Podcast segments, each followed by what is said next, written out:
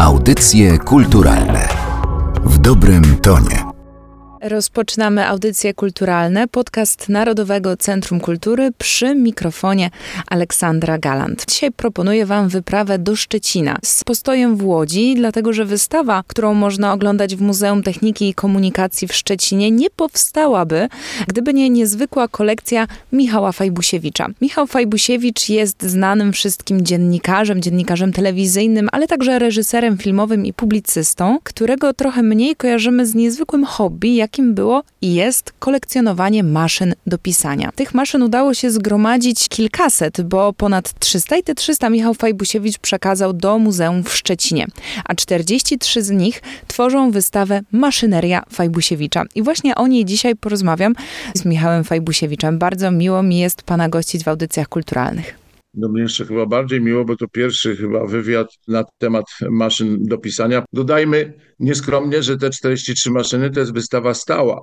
To maszyneria nazwana Fajbusiewicza, no bo taki był warunek, kiedy już dogrywaliśmy do końca przekazanie tej kolekcji, może przez małe kanie, duże, do Szczecina, to miałem życzenie, żeby z 20-30 tych maszyn na stałe było pokazywanych, bo przecież wiem, że reszta jak to w muzeum przepadnie gdzieś w przepastne magazyny. A propos magazyny, może to niedobrze, że na początku to specjalnie utworzono osobny magazyn dla tych moich zbiorów ponad 300 maszyn, to rzeczywiście chyba wymaga osobnego magazynu, bo to jest mnóstwo miejsca. Tam są przeciwne rzeczy. O niektórych się dowiedziałem przy okazji otwarcia, czy tuż przed otwarciem wystawy, ponieważ ja ze względu na wiek i zajęcie się innymi trochę sprawami w ostatnich latach wyhamowałem z tym zbieraniem i ostatnich zakupów, a było to 3-4 lata wstecz, może trochę więcej, nie rozpakowywałem. W związku z tym okazało się, że to, co kupowałem, nie było do końca w prawdziwym opisie i w związku z tym były różne niespodzianki. Miałem tutaj w, w garażu jedną maszynę, której cztery osoby nie mogły podnieść, bo ważyła 140 kg i się dowiedziałem, co to jest teraz dopiero na samym otwarciu. Ja kupiłem ją jako jedną z najstarszych maszyn drukarskich z Anglii. Przyjechała ciężarówką, miała 1,30 m wysokości i ważyła prawie 130 kg. I się okazało, że jest to urządzenie, w ogóle nie wiedziałem, że takie istnieje, tak zwana adresówka. Ona drukowała blaszki, to jest ponad stuletnia maszyna, drukowała blaszki dla dużych firm, które miały dużo korespondencji do tych samych odbiorców, żeby tam te panie na maszynach nie wypisywały na kopertach adresu z personaliami, to te firmy kupowały taką maszynę i takie blaszki produkowały. To są poboczne rzeczy, dlatego mówię, że ta moja kolekcja to jest przez małe K, ponieważ ona nie była kolekcją systemową, to znaczy ja nie miałem żadnej idei w zbieraniu tych maszyn, bo jak najpierw sobie zaplanowałem z możliwością kupienia jakichś najstarszych egzemplarzy do współczesnych, no to się okazało, że to jest taka gama, że to jest niemożliwe w ogóle, żeby zebrać, bo to już nawet nie chodzi o finansowe sprawy, to logistycznie było nie do zrealizowania.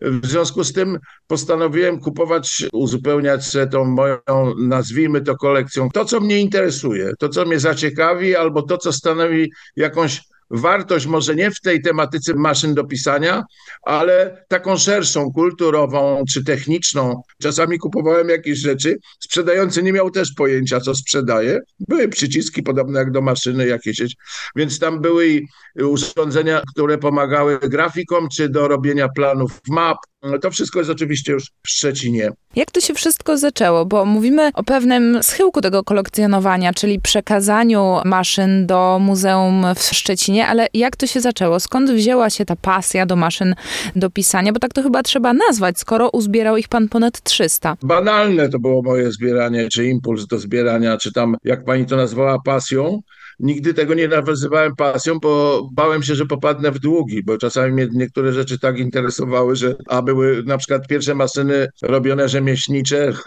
kosztowały jak niezły samochód. Ja w zasadzie z maszynami do pisania do 32 roku życia specjalnie nie miałem do czynienia.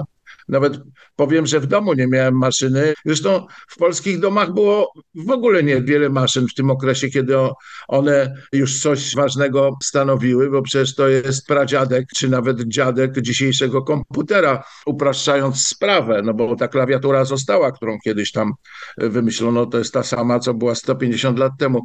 Jak wszedłem do telewizji w 1982 roku, miałem już trzydziestkę, nie pracowałem w zasadzie w zawodzie dziennikarskim i maszyny to widziałem gdzieś tylko w instytucjach, w których pracowałem. I ja dostałem na biurko, jak przyszedłem do telewizji, wcale nie kamerę, tylko maszynę do pisania. Ponieważ zaczynałem jak każdy dziennikarz w takim miejskim dziale, to musiałem codziennie pisać jakieś, jakieś informacje do obrazków, które były na niemo sfilmowane. To była telewizja jeszcze w zasadzie, choć już kolorowa na ekranie, to materiały publicystyczne czy newsy były robione czarno-białe. Dostałem tego łucznika i na nim pykałem sobie i jak pojechałem na pierwsze zdjęcia do Gdańska, byłem na początku bardzo płodnym autorem jeszcze przed 997 Ekspresu Reporterów. Czekałem na kogoś umówionego na długim targu w Gdańsku i tam w Desie na wystawie stał piękny Mercedes. Mówię, jak się pani domyśla, o maszynie do pisania. No zafascynował mnie, powiem, bo widziałem oczywiście takie stare maszyny czasami gdzieś jeszcze w różnych instytucjach, ale może niekoniecznie przedwojenne, chociaż i takie się trafiały. Jak potem już jeździłem po komisariatach i komendach policji, to spotykałem jeszcze przedwojenne maszyny, na których stukali jednym palcem kryminalni. Zresztą maszyny zawsze miały spory związek z tą sferą, myślę tu o kryminalnym, bo wiele spraw przecież wykryto na podstawie odbijania czcionki, bo to jest jak odcisk palca, prawie jak DNA. No i ponieważ ona była nie za droga, bo pamiętam jak dzisiaj kosztowała 240 zł, chociaż to był 83 rok, no to dzisiaj no, trzeba byłoby to tam jakoś inaczej przeliczyć. Ja sobie ją kupiłem, miała ładną walizkę, to była ja wiem, z lat dwudziestych. No i żeby wkurzyć trochę kolegów, to tego łucznika zwinąłem z biurka i postawiłem tego Mercedesa. On był na, na chodzie. Tak to się zaczęło. Potem, jak zobaczyłem gdzieś tam znowu przy okazji jakąś inną, to ją kupowałem, bo stwierdziłem, że jest ładniejsza albo ciekawsza. No i potem się zaczęło, że wgłębiłem się. Nie było jeszcze internetu, niech pan weźmie to pod uwagę, więc nie można było tak pobuszować i nawet dowiedzieć się o tych maszynach za dużo, ale zainteresował zainteresowało mnie to, że na przykład są różne konstrukcje rozwiązania uderzenia czcionką, no bo my znamy tą klasyczną, że od nas uderza wałek czy tam wózek, ale producenci wymyślają cudowne różne rzeczy i są maszyny, które mają dwa przyciski i to wynalezione dużo później niż te pierwsze, czy tam zbudowane.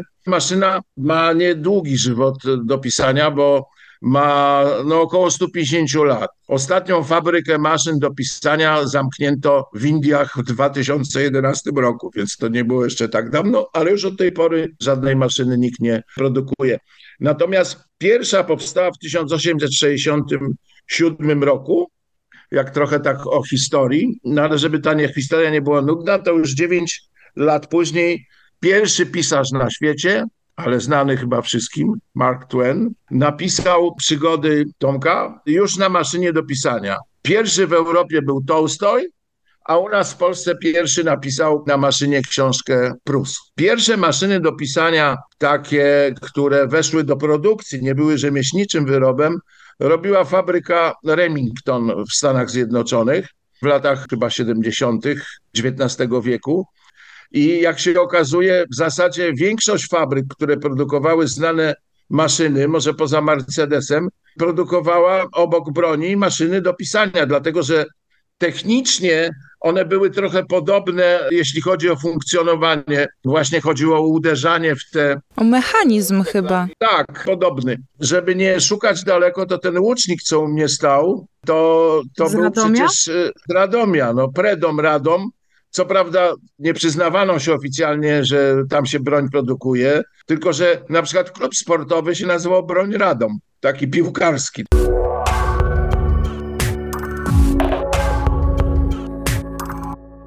Wrócę do Pana kolekcji. Pewnie trudno jest z takiego zbioru, również bardzo osobistego, wyróżnić jeden konkretny model, ale zastanawiam się, czy jest tam jakiś, który jest dla Pana szczególnie ważny. Z różnych powodów. No oczywiście dużą uwagę zwraca ta historia maszyny dla Barbie, natomiast podejrzewam, że to nie jest ten eksponat, który jest dla Pana najważniejszy. Ta Barbie to u mnie przeleżała, nie wiem, chyba od 90 lat, bo ja mam dużą kolekcję w tejże kolekcji zabawek dla dzieci maszyn do pisania. Najstarsza jest z 1914 roku amerykańska i to jeszcze taką kupiłem, gdzie tam dziecko coś pisało na niej, bo są pożółkłe karteczki wąziutkie. Tą Barbie to no, kupiłem do kolekcji. Ja ją przekazałem nierozpakowaną, ona była jeszcze w pudełku, no bo co mi miało interesować w plastikowej dużej, ona duża jest, ale ma 40 lat, jak się pokazał film, no to wiadomo było, ona została dołożona do tej wystawy w ogóle, bo ona była nieplanowana. Natomiast ja nie mam maszyn, do których się jakoś bardzo przywiązały. Tam był konkurs na otwarciu na najładniejszą maszynę. No tam Royal taka wygrała. Kanciasta, wcale nieładna, ale w tym dla mnie urokliwa. Fachowcy od designu przedmiotów, włącznie z meblami, stwierdzili, że przełomowym w designerstwie była maszyna do pisania Olivetti Valentine z 62 roku. Przepiękna, czerwona maszyna z niektórymi żółtymi klawiszami, pakowana w takie etui, że nikomu by do głowy nie przyszło, że tam jest w środku maszyna. Ettore Sorteres to zaprojektował. To bardzo słynny projektant, który miał całą grupę szalonych wokół siebie projektantów. Najpierw we Włoszech, potem w Ameryce miał swoją szkołę. On projektował między innymi lotnisko, na którym lądujemy w Rzymie. On podobno, no tak twierdzą fachowcy, ja wtedy byłem gówniarz, przewrót w designerstwie światowym. Ta maszyna stoi w Museum of Modern Art w Nowym Jorku jako jedyny przedmiot techniczny, jako dzieło sztuki. I oczywiście mam do wielu sympatię, bo są szalenie ciekawe, intrygujące, dziwne. Mam maszynę na przykład z Ameryki sprowadzoną z 1910 roku, która już robiła dokumenty bankowe, czyli czeki drukowała z imieniem i nazwiskiem. No do głowy mi nie przyszło przyszło, bo czeki jeszcze miałem, jak zacząłem pracować w telewizji. Zresztą chyba wszyscy używali czeków tam z jakiegoś PKO czy skądś, że to już od 1910 roku. No, długo bym mówić, to zależy, co kogo interesuje. Na koniec naszej rozmowy chciałam zapytać o to, dlaczego pana kolekcja trafiła do Muzeum Techniki i Komunikacji w Szczecinie. To jest szczególnie ciekawe, dlatego że pan wielokrotnie podkreśla, że pan jest łodzianinem, pan jest z Łodzią związany i to jest pana miasto. To muzeum, chyba jedyne i pierwsze w Polsce, kupiło całe muzeum na zachodzie. To Muzeum Techniki, które jest bardzo młode i komunikacji, zajezdnia sztuki, zajezdnia, bo oni mają siedzibę w byłym po niemieckiej zajezdni tramwajowej, rozbudowanej o nowe obiekty. I oni kupili Stever, to były największe zakłady mechaniczne w Szczecinie przed wojną a rodzina gdzieś tam w jakimś małym siłku stworzyła muzeum. Oni produkowali fantastyczne rzeczy, od samochodów ciężarowych począwszy przez motocykle, rowery i produkowali między innymi maszyny do szycia i to najważniejsze, do pisania. Stever był jakby impulsem, jak ja się dowiedziałem, że będą budowali specjalny budynek, żeby to muzeum pomieścić będą też ekspozycja z maszynami do pisania. W Polsce nie znajdzie pani muzeum, gdzie jest jakaś większa ekspozycja maszyn do pisania, ale mają tam tylko Stevera, a on niedługo nie produkował tych maszyn, chyba z 15 czy 20 lat. Potem dał licencję Metalowi i ja doszedłem do wniosku, że po pierwsze jest to młode muzeum, po drugie w ogóle nie ma zbiorów maszyn do pisania, oprócz tego Stevera, które kupiło razem z całym tym muzeum i pięknymi samochodami, włącznie z wyścigowymi. No nie wygrałem jeden telefon, oczywiście byli zainteresowani, tylko się martwili, ile ja chcę za to wziąć. No. Nie mogli zrozumieć, że ja nie chcę nic wziąć, tylko chcę to przekazać, żeby to było w dobrych, w dobrych rękach i myślę, że w dobre ręce trafi. I dzięki temu, że pan Michał Fajbusiewicz swoją kolekcję przekazał, to w Muzeum Techniki i Komunikacji w Szczecinie wystawę Maszyneria Fajbusiewicza, na którą składa się kilkadziesiąt najciekawszych urządzeń, można oglądać, bo Maszyneria Fajbusiewicza to jest nowa wystawa stała, a Michał Fajbusiewicz, dziennikarz, publicysta, reżyser filmowy, był dzisiaj waszym i moim gościem i o tej niezwykłej kolekcji i współpracy z Muzeum Techniki i Komunikacji w Szczecinie opowiedział. Bardzo panu dziękuję za spotkanie. Dziękuję serdecznie. Pozdrawiam państwa.